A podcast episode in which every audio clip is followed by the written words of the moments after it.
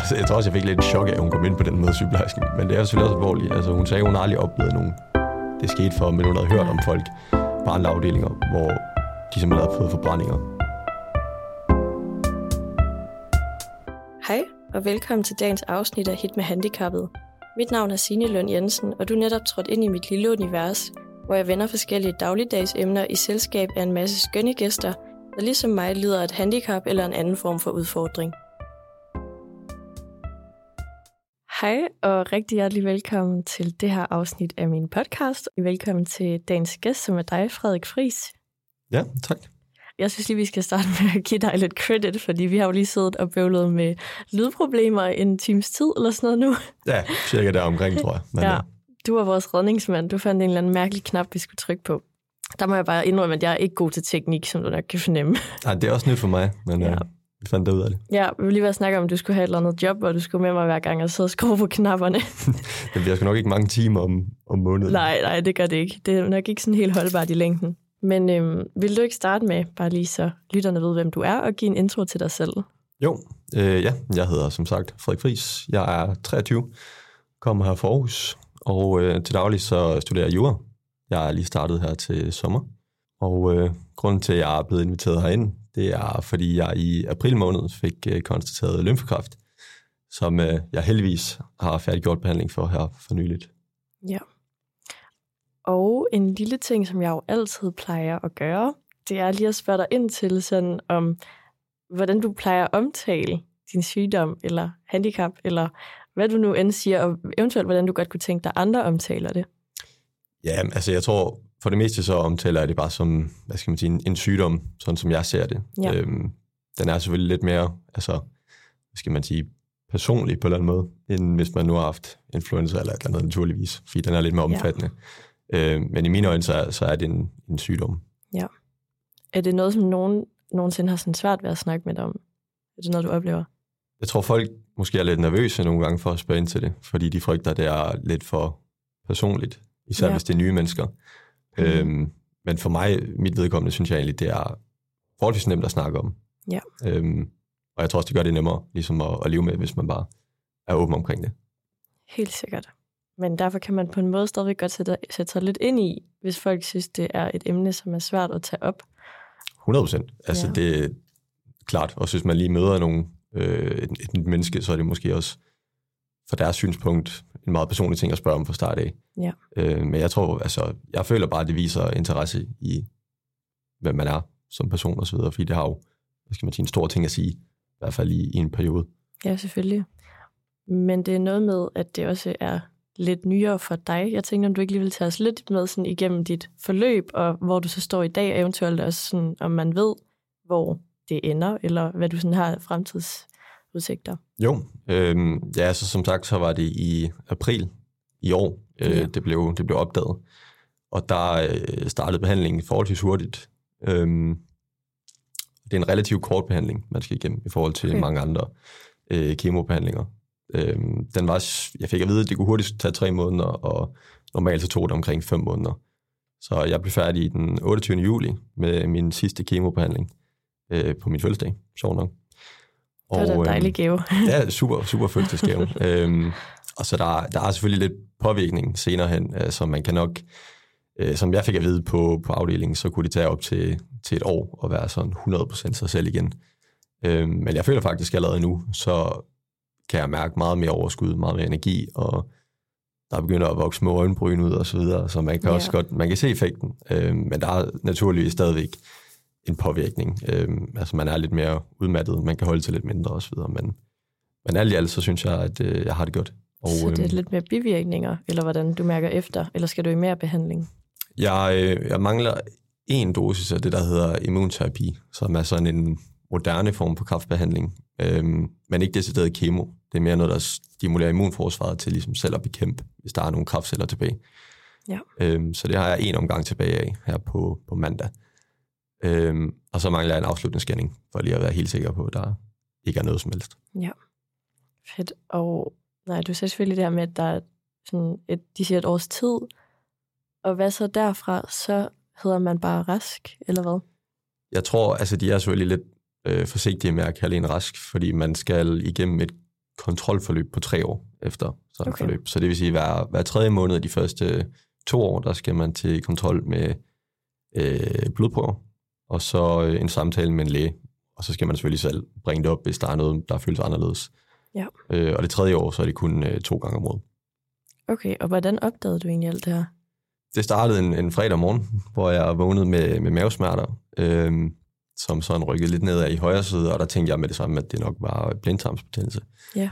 Så jeg, jeg kontaktede min egen læge øh, og fik en tid samme dag, og kommer derind. Øh, og hun er sådan lidt tøvende, fordi hun synes, at øh, jeg, har ikke, øh, jeg har ikke ondt nok, fordi jeg Nej. kan gå, og jeg kan smile, og jeg kan hoppe. Og hun siger, at normalt, når øh, patienter kommer ind med blindtarmsbetændelse, så har de, så har de virkelig ondt. Ja. Øhm, så jeg havde de rigtige symptomer, men, men hun følte ikke, at jeg var dårlig nok til at have blindtarmsbetændelse. Okay.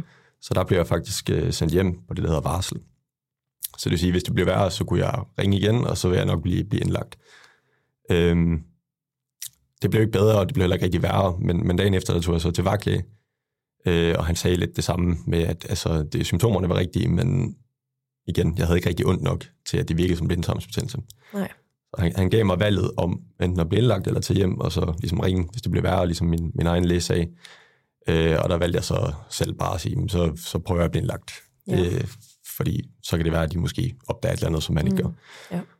Øhm, og der kom forholdsvis hurtigt en kirurg op og kiggede på det, og tænkte, hun vil gerne lige ind og kigge. Og øh, jeg endte så med samme dag, jeg tror en time efter, med at blive, blive opereret for blindtarmsbetændelse. Og kom hjem samme dag, efter de havde fjernet min blindtarm. Og der troede jeg ligesom, det var også bare det. Øhm, og havde det egentlig også fint nok, da jeg kom hjem. Øhm, så går der nogle dage, jeg tror der går måske en uges tid, der vågner jeg så med lidt de samme mavesmerter, og føler sådan, jeg er meget oppustet, og ender med al min aftensmad, den, den kaster jeg simpelthen op samme aften, okay. og jeg kan simpelthen ikke få noget ned. Øhm, man kan sige, det, det bliver det længere forløb, fordi man skal i kontakt med vagtlæge igen og igen. Øh, vi starter med at ringe til dem, fordi jeg har så kraftige mavesmerter den her gang. Øhm, og man tænker, så hurtigt efter en operation, så skulle man måske være sådan lidt mere påpasselig. Ja. Øhm, men jeg får at vide, hvis jeg får feber, så skal jeg ringe igen. Øhm, det gør jeg aldrig rigtigt, men, men mavesmerterne bliver bare værre. Øhm, og så ender det så med, at øh, jeg kommer til vagtlægen og bliver tilset, og de øh, mistænker, at det er efter anestesi og mavesmerte osv., så, videre, så er det måske noget øh, forstoppelse, eller øh, måske endda mavesår, fordi man har fået Ipren. Mm. Så jeg kommer hjem med medicin mod mavesår i stedet for, og det bliver bare ikke bedre, og jeg bliver Det er også proppet sendt med... meget frem og tilbage, synes jeg. Jeg bliver sendt meget frem og tilbage. Ja. Øhm, og sådan er det måske også, når det er sådan lidt diffust, hvad det egentlig Ja. er, man fejler, naturligvis. Det er Øhm, men i sidste ende, så kommer jeg så til, til egen læge, eller det er en, en, en vikarlæge, for mit eget lægehus er lukket. Og det er en øh, ung lægestuderende, som jeg kommer ind til, øhm, som måske derfor tager det lidt mere seriøst, fordi han er lidt mere grundig og påpasselig. Ja. Øh, og jeg ender så tilbage på akutafdelingen på Skyby, hvor de tager en scanning, og øhm, det er en, øh, en CT-scanning og en ultralydsscanning, og så en CT-scanning mere med noget, der hedder kontrastvæske, hvor de sådan kan følge den der væske hele vejen igennem maven. Smart. Det er ret smart. Ja. Øh, og de kan se, at der er sådan en lille stop et sted i tarmen, mavesystemet. Okay. Øhm, og for, for at korte lidt af, så, øh, så mistænker de, det er noget lidt andet, sådan en kronisk øh, mavesygdom, mm. øh, som kræver en lille operation, ligesom blindtarmsbetændelsen, hvor man bare lige skal trække noget tarm ud, øh, så det ligesom giver plads igen. Okay. Øhm, så jeg tænker, at det er en lille operation, og det tænker jeg min familie også, og så videre. Øhm, og så ender det så med efter øh, tre timer på operationsbordet, så vågner jeg, og kan med det samme mærke, at, at det har taget længere tid, end, end hvad de havde sagt. Øhm, og jeg mærker sådan efter, om jeg har fået stomi, eller hvordan. Og så kan jeg mærke, at jeg har sådan en lang sår på maven, i stedet for øh, de der små sår, som man får under kikkertundersøgelser. Så de var gået til åben kirurgi, og øh, jeg vågner med sonde i næsen, og øh, kateter, og hele muligheden. Ja. Øhm, og min familie kommer også ind og er sådan helt rystet, fordi de har bare siddet og ventet på, at jeg blev færdig. Jo. Ja. Øhm, og så kommer ham med den unge kirurg ind, som, som var med og fortæller, at de så havde fundet en, øh, en knude derinde. Og derfor var de nødt til at gå i åben kirurgi og, og fjerne den. Og det viser sig, at de havde fjernet halvdelen af min tyktarm og, og noget af tyndtarmen, for ligesom at være sikker på, hvis der nu er tale om noget undartet, så, så havde de fjernet nok. Ja. Øhm, men der fik jeg faktisk at vide, at, at de mente ikke, det var noget undartet. De troede, det var godartet, og det måske var en fedtknude eller arvæv eller et eller andet. Ja. Øh, så jeg var forholdsvis rolig der, men det var ligesom, da det blev opdaget. Det er også helt vildt at bare komme ind og tro, man skal have lavet en eller anden lille ting, og så bare vågne op, og så har der bare været det helt store i gang. Ja, øh, det kommer også lidt som et chok selvfølgelig, når man hører ordet knude første Ja. gang. Øhm, og det var sådan, selvfølgelig, man er rystet, når man hører det ord. Men jeg synes også, man blev sådan beroliget med, at det var ikke sikkert, det var noget underartet. Nej. Noget, jeg lige hæfter mig ved, det er også, altså, nu ved jeg ikke, hvordan det foregår, men blindtarmsbetændelse, der kan man ikke, når man åbner op, så kan man ikke se, om der er noget eller hvad. Man fjerner den bare. Det er også noget, vi har tænkt lidt over. Ja. Øh, og vi har også spurgt en af, en af kirurgerne, som var med. Øhm, og, og som de siger, så er det lidt svært at se noget udefra, fordi man skal ligesom ind i tarmen og kigge, for ligesom at se, om der er en knude. Øhm, Ja. Så fra det perspektiv, de så det fra, så havde det nok været meget usandsynligt, at de kunne opdage det på det tidspunkt. Okay. Og det er heller ikke sikkert, at der var noget, altså så meget øh, øh, vækst på det tidspunkt, at det egentlig var tydeligt nok til at se. Okay. Men nu blev jeg lige fanget af hele din lange historie, og inden jeg kommer alt for godt videre, så vil jeg jo lige stille dagens gyldne spørgsmål, som du gerne vil tænke over til, til slut i podcasten. Og det er i dag, hvad den sjoveste oplevelse er, du har haft i relation til din sygdom. Ja. Ja, så den kan du tænke lidt over, og så tager vi den til slut. Det gør jeg. Yes. Øhm, og til lytterne, så kommer vi til i dag at prøve at snakke lidt ind i det her med sådan accepten af, at ens liv har forandret sig. Og man står over for et nyt liv og skal til at måske agere anderledes i sin hverdag. Alt, hvad det indebærer. Så, tager, så ser vi, hvor det tager os hen. Øhm, og det første, jeg tænkte, jeg lige ville høre dig til, Frederik, det var sådan, om du egentlig føler, at du har accepteret din nye livssituation. Det synes jeg forholdsvis hurtigt, jeg gjorde. Ja. Øhm, altså man kan sige, jeg har fra start af vidst, at det ikke var noget sådan permanent i mit liv. Ja. Øhm, der er selvfølgelig, hvad skal man sige, det, det, det mentale i det er selvfølgelig noget, man altid husker, men øhm, jeg synes forholdsvis hurtigt, at jeg accepterede sådan ideen om, at det var det her, jeg skulle igennem nu. Ja. Øhm, jeg kan også huske dagen, jeg fik det at vide, der, der samles vi lige sådan med, med familie og så videre derhjemme, og øh, det var mest min familie, jeg synes, der virkede meget oprørt over og påvirket over Okay. nyheden. Mere end dig selv.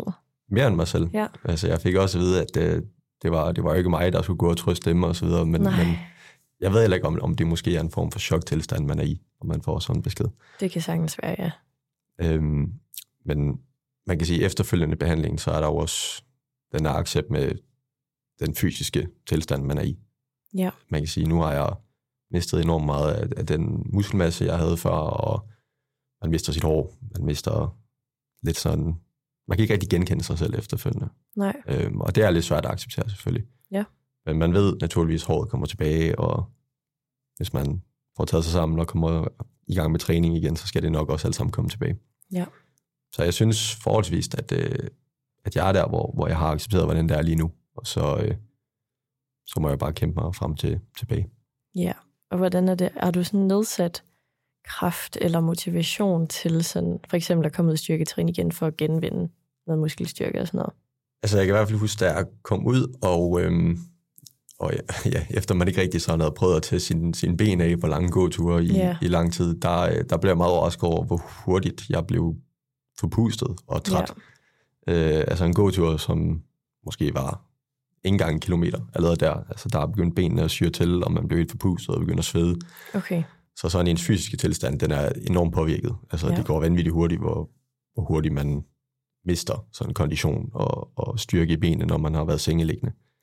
der var også Øhm. et eller andet, hvor du sagde, at du følte dig lidt som sæk kartofler. Ja, lige præcis. Ja. Og det, det er sådan lidt en del af behandlingen. Okay. Okay. Det fik jeg også at vide. Det er, at du kommer til at være så vanvittigt træt hele vejen igennem. Okay. Øhm, og man får bare lige rigtigt det der, øh, den der følelse af at være øh, veludvilet. Nej, Så man kan ikke sove sig for trætheden. Den, den er der bare hele Okay. tiden. Øhm, og det er nok også noget af det, der har været mest sådan påvirkende. mm. det kan jeg sagtens vel. Jeg tænker lidt, at øh, nu siger du alt det her med at miste muskelmasse og hår og alle de her ting. Det får mig lidt til at tænke på, at du jo øh, lagde lidt ud på Instagram ret tidligt faktisk. Eller det ja. Ja. ved jeg ikke efter, en, hvad var det, seks måneder eller sådan noget?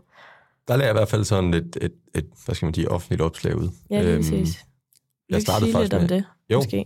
øh, selvfølgelig. Mm. Øh, altså jeg havde i starten, der havde jeg lavet sådan på mine nære venner på Instagram, der havde Ja. jeg ligesom lagt en besked ud, så bare ligesom mine tætteste venner vidste, hvorfor de ikke måske lige kunne Ja. øh, tage i byen i tre måneder. Eller Ja, sådan. god stil. Øhm, men det er i hvert fald det første sådan, offentlige opslag, jeg lavede, der øhm, lagde jeg nogle billeder op af mig selv, og jeg havde modtaget sindssygt mange sådan gaver fra folk, som jeg var mega taknemmelig over. Ja. Og så er det ligesom også bare lige for at lave et, øh, et opslag, for ligesom at, at lade alle vide, hvad det egentlig betyder. Ja. Øhm, og jeg prøvede at være så, hvad skal man sige, åben omkring det der. Øhm, og det var også rart at lægge det opslag op, man kan sige, på grund af den feedback, man også får fra folk. Og det bliver jeg virkelig overrasket over, hvor mange der sådan skrev og kommenterede. Øhm, så jeg lærte virkelig også, sådan, hvor mange positive og gode mennesker der er omkring en, og hvor meget opbakning og støtte man får i sådan en situation. Jeg tror bare ikke, det er alle, der har styrken til at være så åbne omkring noget så personligt så hurtigt. Så det bare lidt spændende at høre om, sådan, hvad er det, der lige gør, at man lige sådan tænker Instagram-opslag, Facebook-opslag. Ja, altså jeg tror, nu har jeg selv set sådan nogle opslag før, og Ja. der har jeg også tænkt sådan, at det er mega sejt, at folk ligesom tør at være så åbne Det er mega det. sejt. Ja. Og det er også inspirerende, mm. øh, tænker jeg, for folk, der står i lignende situation. Ja. Øhm, jeg har da selv, hvad skal man sige, prøvet at finde profiler, finde opslag og finde Ja. historier om folk, der ligesom har været igennem det samme. Ja. Øh, ikke for at sammenligne sig, øh, men ligesom for at se folk på den anden side af det Ja, hele. det kan jeg vildt godt følge, faktisk. Det giver noget sådan perspektiv måske på ens eget, at man kan spejle sig i andre. 100%. Og Ja. så er det opbakkende og motiverende til ligesom at, at fortsætte, når, ja, man kan sige, på de værste dage, hvor man bare er sådan en rigtig slatten kartoffel, og ja. ikke magter noget som helst, så er det rart at, at tænke på, på de folk, som er kommet på den anden side. Ja, helt sikkert. Vi skal bruge hinanden til det gode. Ja, lige præcis. Ja, og hvis ikke du havde postet det, så havde jeg aldrig fundet dig. Nej, nok ikke. Nok Nej, ikke. så der er helt sikkert gode ting ved det. Øhm, jo, inden jeg lige går videre til det næste spørgsmål, så vil jeg bare lige sige en lille smule om sådan, for jeg tror, nu snakker vi jo lidt ud fra emnet accept i dag, og vi snakker lidt, eller vi prøver at snakke ud fra sådan både dit og mit perspektiv, og jeg tror virkelig, at vi står sådan i, vi står jo i vidt forskellige situationer. Faktisk mm. Måske næsten sådan de mest forskellige på det her område, man kunne. Og det er måske også det, der sådan kan noget. Ja. øh, fordi man kan sige, du bliver udsat for noget sådan meget, jeg skal sige næsten fra dag til dag.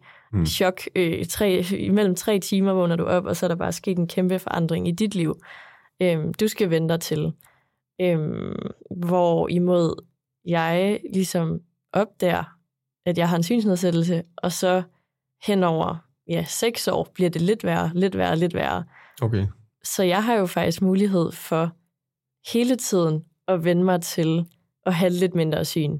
Hvor du bliver jo, ja, som du siger, næsten det, der også kaster dig ud i chokfase. Du får den bare smasket lige i hovedet. Ja.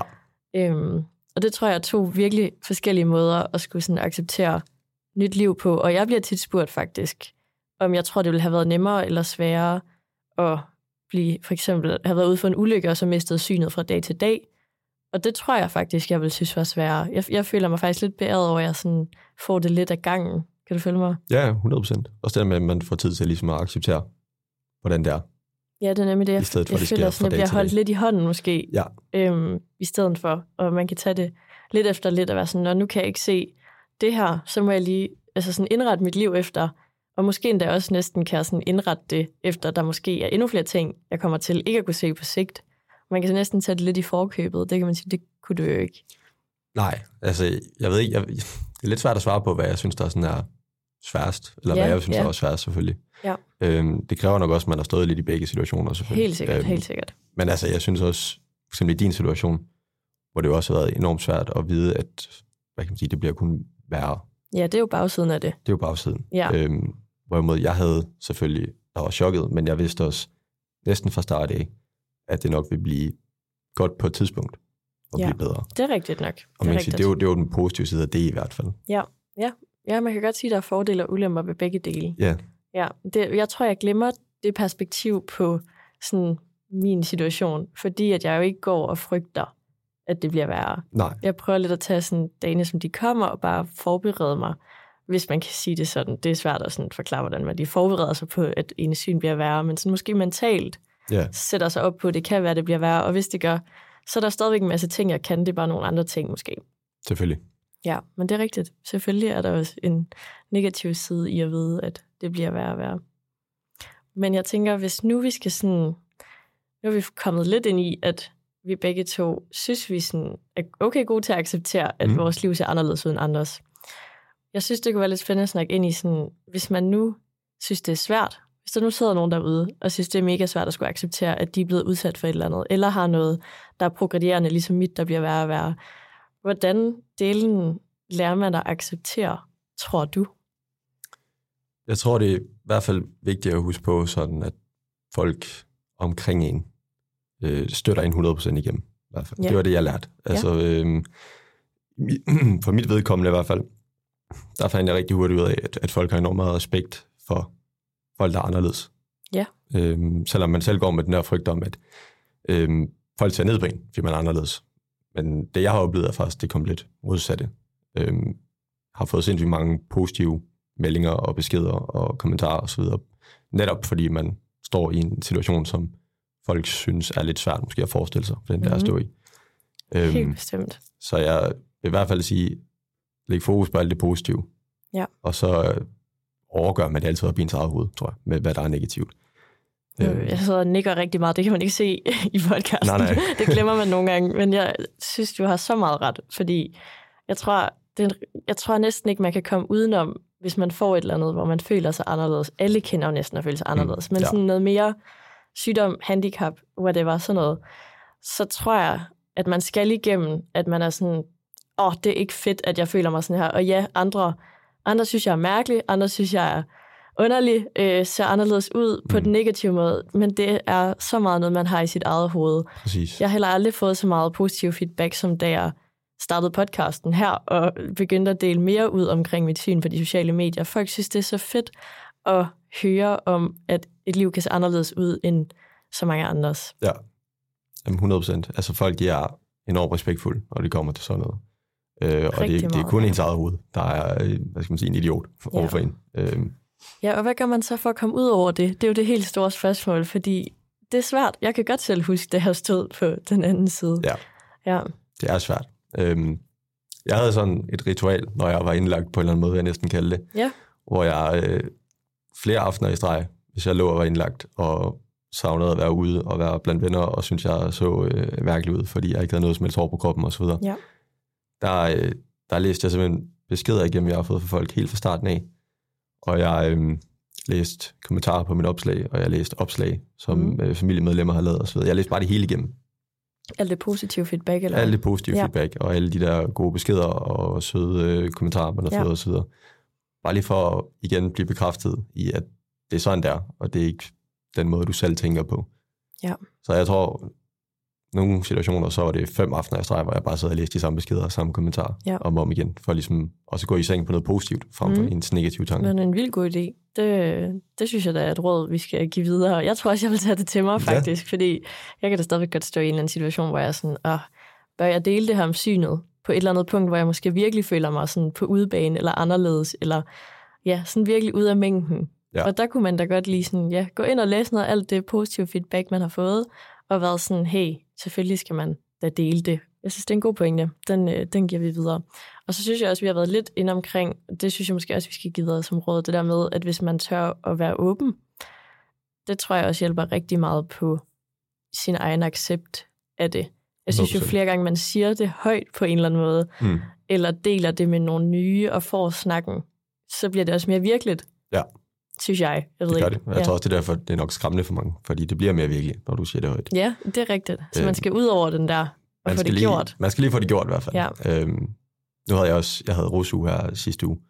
Ja. Og der havde jeg også lovet mig selv, noget som noget af det første, så bare lige fortælle folk, hvorfor jeg måske ikke lige var 100% med til det hele. Hvorfor Ja. jeg ikke kunne øh, tage i byen til klokken tre og så videre, Ja. ligesom jeg måske gerne vil. Øhm, så, så at stå foran en masse fremmede folk Ja. og skulle sige det, der var også nervepirrende. Øhm, Ja. Selvom man har gjort det så mange gange før, så, øh, så sad mine hænder der også og rystede lidt bagefter, Ja. fordi det er bare nervepirrende, men Det er mega nervepirrende. Men du fik det gjort. jeg fik det gjort, og, øh, og folk de var mega respektfulde, og Ja. alle forstod det, og sagde søde ting og så videre. Så det igen, føles godt på den anden side. det føles godt, også fordi så var der ikke så meget pres på en, til ligesom at skulle være 100% påfølger. Nej, og det er jo det, folk de kan meget bedre så forholde sig til, til det, man fejler. Hvis man tør at sige noget og fortæller folk, hvad man kan og ikke kan, og har brug for hjælp til eventuelt. Altså, Ja. Ja. Ja, og det næste, jeg gerne vil spørge dig lidt ind i, det var faktisk noget, som jeg lige åbnede lidt op for at snakke ind i, inden vi startede podcasten, mm. Fordi jeg synes, at det var vigtigt lige at spørge dig på forhånd, hvordan du havde det med at snakke om det. Øhm, og det handler jo lidt om det her med, sådan, at du jo faktisk har en sygdom, der er dødelig. Nu sagde du så, at den ikke var så dødelig som så mange andre, men jeg tænker alligevel, at det her det er et sted, hvor vi skal prøve at ture og snakke om nogle af de ting, der er svære. Og jeg sagde også til dig, jeg, vil, jeg kommer også til at komme på udebane, fordi jeg har ikke haft nogen inde i min podcast, eller har nogen andre sådan tæt på livet, hvor at det er et samtaleemne. Nej. Men jeg tænker, hvis vi skal holde den til emnet, så kunne jeg prøve at vende den til noget med, øhm, om du tror, at det har været svært at acceptere, når der er en risiko for, at det er noget, man kan dø af. Øhm, altså jeg vil sige, for mit vedkommende, synes jeg ikke, det var noget, der fyldte sådan enormt meget. Nej. Øhm, og det var også fordi, jeg relativt hurtigt fik at vide, at der var rigtig, rigtig gode chancer for, at man blev helbredt. Ja. Øhm, men det er klart, øh, da jeg fik beskeden om, at det, de havde fundet under operationen, det var underartet, der havde jeg ikke fået at vide, hvilken type det var endnu. Nej. Øhm, så der var man lidt, hvad er det egentlig, de har fundet, og hvor alvorligt er det? Ja. Øhm, og da jeg så var inde til, til svar og, og information omkring det, der, der fik jeg at vide, at det, det var en meget sjælden og enormt aggressiv undertype. Og, og jeg det er også en vild besked. det er en vild besked at få, og lige i Ja. ja. øjeblik, der tænkte jeg også bare, okay, det, øhm, det kommer jeg ikke igennem. Nej. Det lyder som om, det er noget rigtig skidt. Ja. Øhm, der fik jeg så hurtigt at vide, øh, jeg tror 10 sekunder efter, at det var en positiv ting, fordi det betød, at man var meget Okay. følsom over for behandling. Så der, der kom ro på igen. Godt, at den bliver skrevet, den bliver givet så hurtigt efter. Ja, lige præcis. Det er ikke en, man skal holde inden for længe efterfølgende Nej, i hvert er fald. Øhm, og jeg tror også, det var også det, jeg har hørt fra familie i hvert fald. De vidste heller ikke, at, at det betød, at det var, den var nemmere at behandle. Så jeg tror, hele min familie, det var ligesom lige sådan en chok, der kom igennem, da man hørte ordet Ja. ultra-aggressiv eller sådan Ja, lige præcis. Øhm, så jeg vil ikke sige, altså den der frygt er ikke noget, der har fyldt enormt meget for mig. Nej. Fordi jeg følte mig forholdsvis sikker på, at jeg nok skulle komme igennem det. Men det er klart, den har været der alligevel. Øh, og, og det har mest været det der med, at man er bange for egentlig at, hvis man skal sige, efterlade folk. Ja. Øh, og, Så det er det aspekt af det. Ja, lige præcis. Og Ja. selvom den chancen var enormt lille for, at det var det udfald, der kom, så, øh, så ved man det godt, at der er undtagelser. Ja. Øhm, så man, man frygter naturligvis altid, tror jeg, at, at man er den undtagelse. Ja. Men det var ikke en, der fyldte enormt meget for mig, synes jeg. Nej, og, sådan, og hvad, hvem snakker man med, hvis det så gør? Altså, er der egentlig nogen tilknyttet sådan? Jeg vil sige, de er enormt gode på den afdeling, jeg var på i hvert fald, Ja. til at øh, tilknytte øh, en, en, både en kontaktlæge og kontaktsygeplejerske. Okay. Øhm, og så var der en, en øh, ung koordinator derinde, som ligesom tog sig af de unge, der var derinde. Jeg tror godt, de ved, som, som ung person, så påvirker det måske en anderledes at få sådan en besked. Ja. Øhm, så hun var ofte inde og lige sådan at, at vende tingene, og hvis man havde brug for at snakke med folk om noget mentalt i stedet for, så, så var sygeplejerskerne lige så meget til råd til det, som, som de var til ja, alt det, som man måske tænker, en sygeplejerske gør mere i. Okay, så de var lige så meget på for en, altså en god snak, hvis det var det, man havde brug for. Ja, og så er der selvfølgelig også altså kraftens bekæmpelse, som man altid kan tage fat i, og der er psykologer tilknyttet, hvis man har brug for at snakke om det. Ja. Så der, der er rigtig rige muligheder, og de er gode til at informere om det, synes jeg. Har du snakket med andre unge egentlig, som lider af kraft i den ene eller den anden form? Jeg havde besøg af en, som, øh, som faktisk har haft den nøjagtige samme undertype som Okay. mig for nogle år tilbage. Nå, en, som, nok. øh, som var så flink at komme ud og, og besøge mig på min private adresse, Nå, hvor vi, øh, hvor vi fik en snak. Ja. Øh, og han har gjort lidt det samme, det der med at være mega åben omkring det på, ja. på Instagram. Så vi, øh, vi fik en rigtig positiv snak, synes jeg, om både hele forløbet, og vi kunne relatere enormt meget til, til de samme ting, fordi det var nøjagtigt den samme behandling, også vi var igennem. Ja. Øhm, så igen, altså det var enormt rart at, at læse om folk, der var på den anden side, men også at møde en og snakke med dem. Det, det, var, det var noget lidt mere sådan specielt. ja. Hvordan får man lige sådan kontakt til sådan en? Øh, det var faktisk, det var faktisk min mor, Ja. der tog kontakt til ham først, fordi jeg tror, hun havde brug for at snakke med ham egentlig. Ja. Øhm, igen det der med, jeg tror, hun var enormt påvirket af det, øh, som pårørende selvfølgelig. Ja, Øhm. det giver rigtig god mening. Og på det tidspunkt, helt i starten af behandlingen, der tror jeg ikke, jeg var så øhm, indforstået med, hvor hårdt det egentlig vil blive Nej, at være igennem. Øhm, men på det tidspunkt, hvor vi så fik kontakt til ham, og han ville komme ud og besøge os, der tænkte jeg faktisk, det var en god idé. Så den med, det faktisk kun var mig og ham, der snakkede. okay. Øhm, så, så ja, det var simpelthen bare igennem Instagram. Helt fremmed person, som, som altså, hvad skal man sige, sit gode hjerte kommer ud og snakker Ja. om. Så øhm, Det er fedt. Jeg tænkte måske, om det var noget, sådan hospitalet havde sat op. det var faktisk også en mulighed, fordi han, han er en af de øh, personer, de tager fat i, hvis der kommer folk ind med, Ja. med den sygdom. Det er bare så enormt sjældent. Øhm, Ja. Nu er der kun, kun ni om året i Danmark, der får den undertype. Okay, det er jo helt vildt. Øhm, og de fleste af dem ender nok på Rigshospitalet, kunne jeg forestille mig. Ja. Øhm, så, så det er enormt sjældent på den afdeling, at, at de får en med ja, bøget, som den hedder. Det er vildt godt, at man kan snakke med nogen, der sådan har noget lignende. Og 100%. det, jeg håber, ej, jeg håber ikke, der sidder nogen derude, der har det samme som dig eller mig, men jeg håber, hvis der gør, at, at de kan ja, tage lidt til sig. Ja, jeg kan sige, det behøver ikke at være nøjagtigt det samme for at kunne Slet relatere ikke. sig. Slet ikke. Øhm, fordi det er nok nogenlunde de samme ting, man kommer igennem, Ja. de samme tanker og så videre. Og det tror jeg også. Og jeg tror egentlig også godt, det kan være mange af de samme tanker, trods en helt anden sygdom eller helt, helt andet handicap. Det tror jeg også. 100%. Men jeg tænker, at vi er nået til, at jeg skal have fyret det gyldne spørgsmål af til dig. Ja, Så jeg ved ikke, nu har du snakket en masse, så jeg ved ikke, hvor meget du har tænkt, men jeg siger det lige igen, inden du får lov at svare, hvis nogen Ja. har glemt det. Øh, det var jo det her med, hvad den sjoveste oplevelse er, du har haft i relation til din sygdom. ja. altså man kan sige, det er selvfølgelig, som, som jeg nævnte, man er lidt en, en slatten øh, person, når man ligger derinde og så videre. Men, Ja. men der var også sjove momenter. Øh, mm. Personalet var super, super flinke og, og sjove at snakke med os. Ja.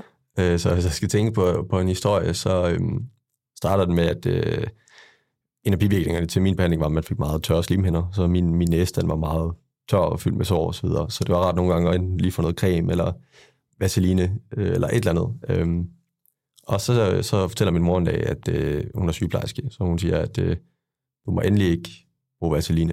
for hvis du skal have ilt en dag, så øh, kan det springe i luften. Hva? Og der tænker jeg altså, hvordan kan det springe i luften? Der mangler der noget ild eller et eller andet, hvis det skal springe i Ja, lige præcis. Så, det hænger ikke helt sammen. Så er sådan, det, det, det passer ikke der.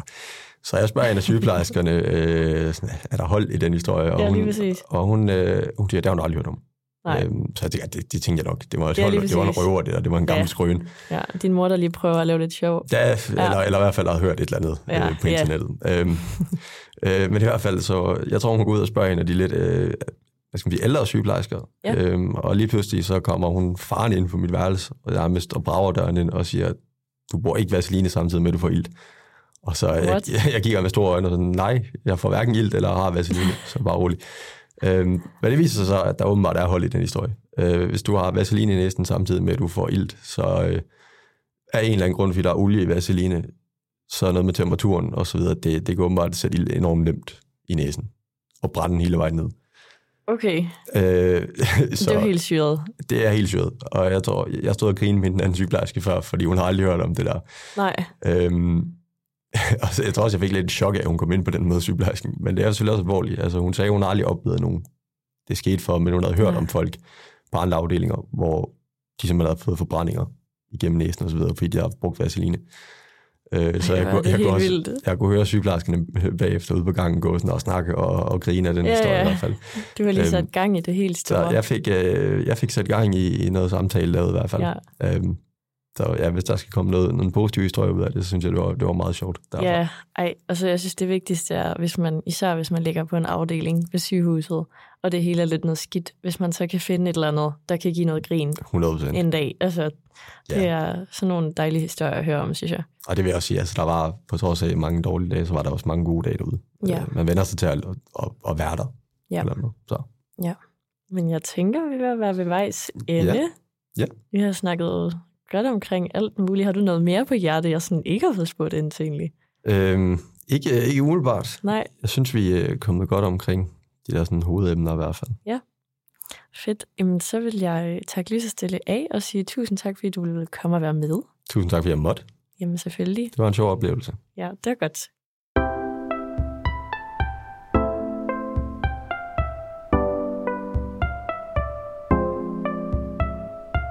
Det var alt for dagens afsnit af Hit med Handicappet. Tak fordi du lyttede med. Du kan som altid gå ind på min Instagram, Signe Lund med dobbelt U, hvor du kan følge med i min hverdag som synshandicappet. Her kan du også sende mig en besked, hvis du har spørgsmål, ønsker at booke mig som foredragsholder, eller kunne være interesseret i at komme i studiet som gæst. Jeg håber rigtig meget, at vi lyttes ved på onsdag om 14 dage. Ellers må du have det rigtig godt indtil da. Hej hej!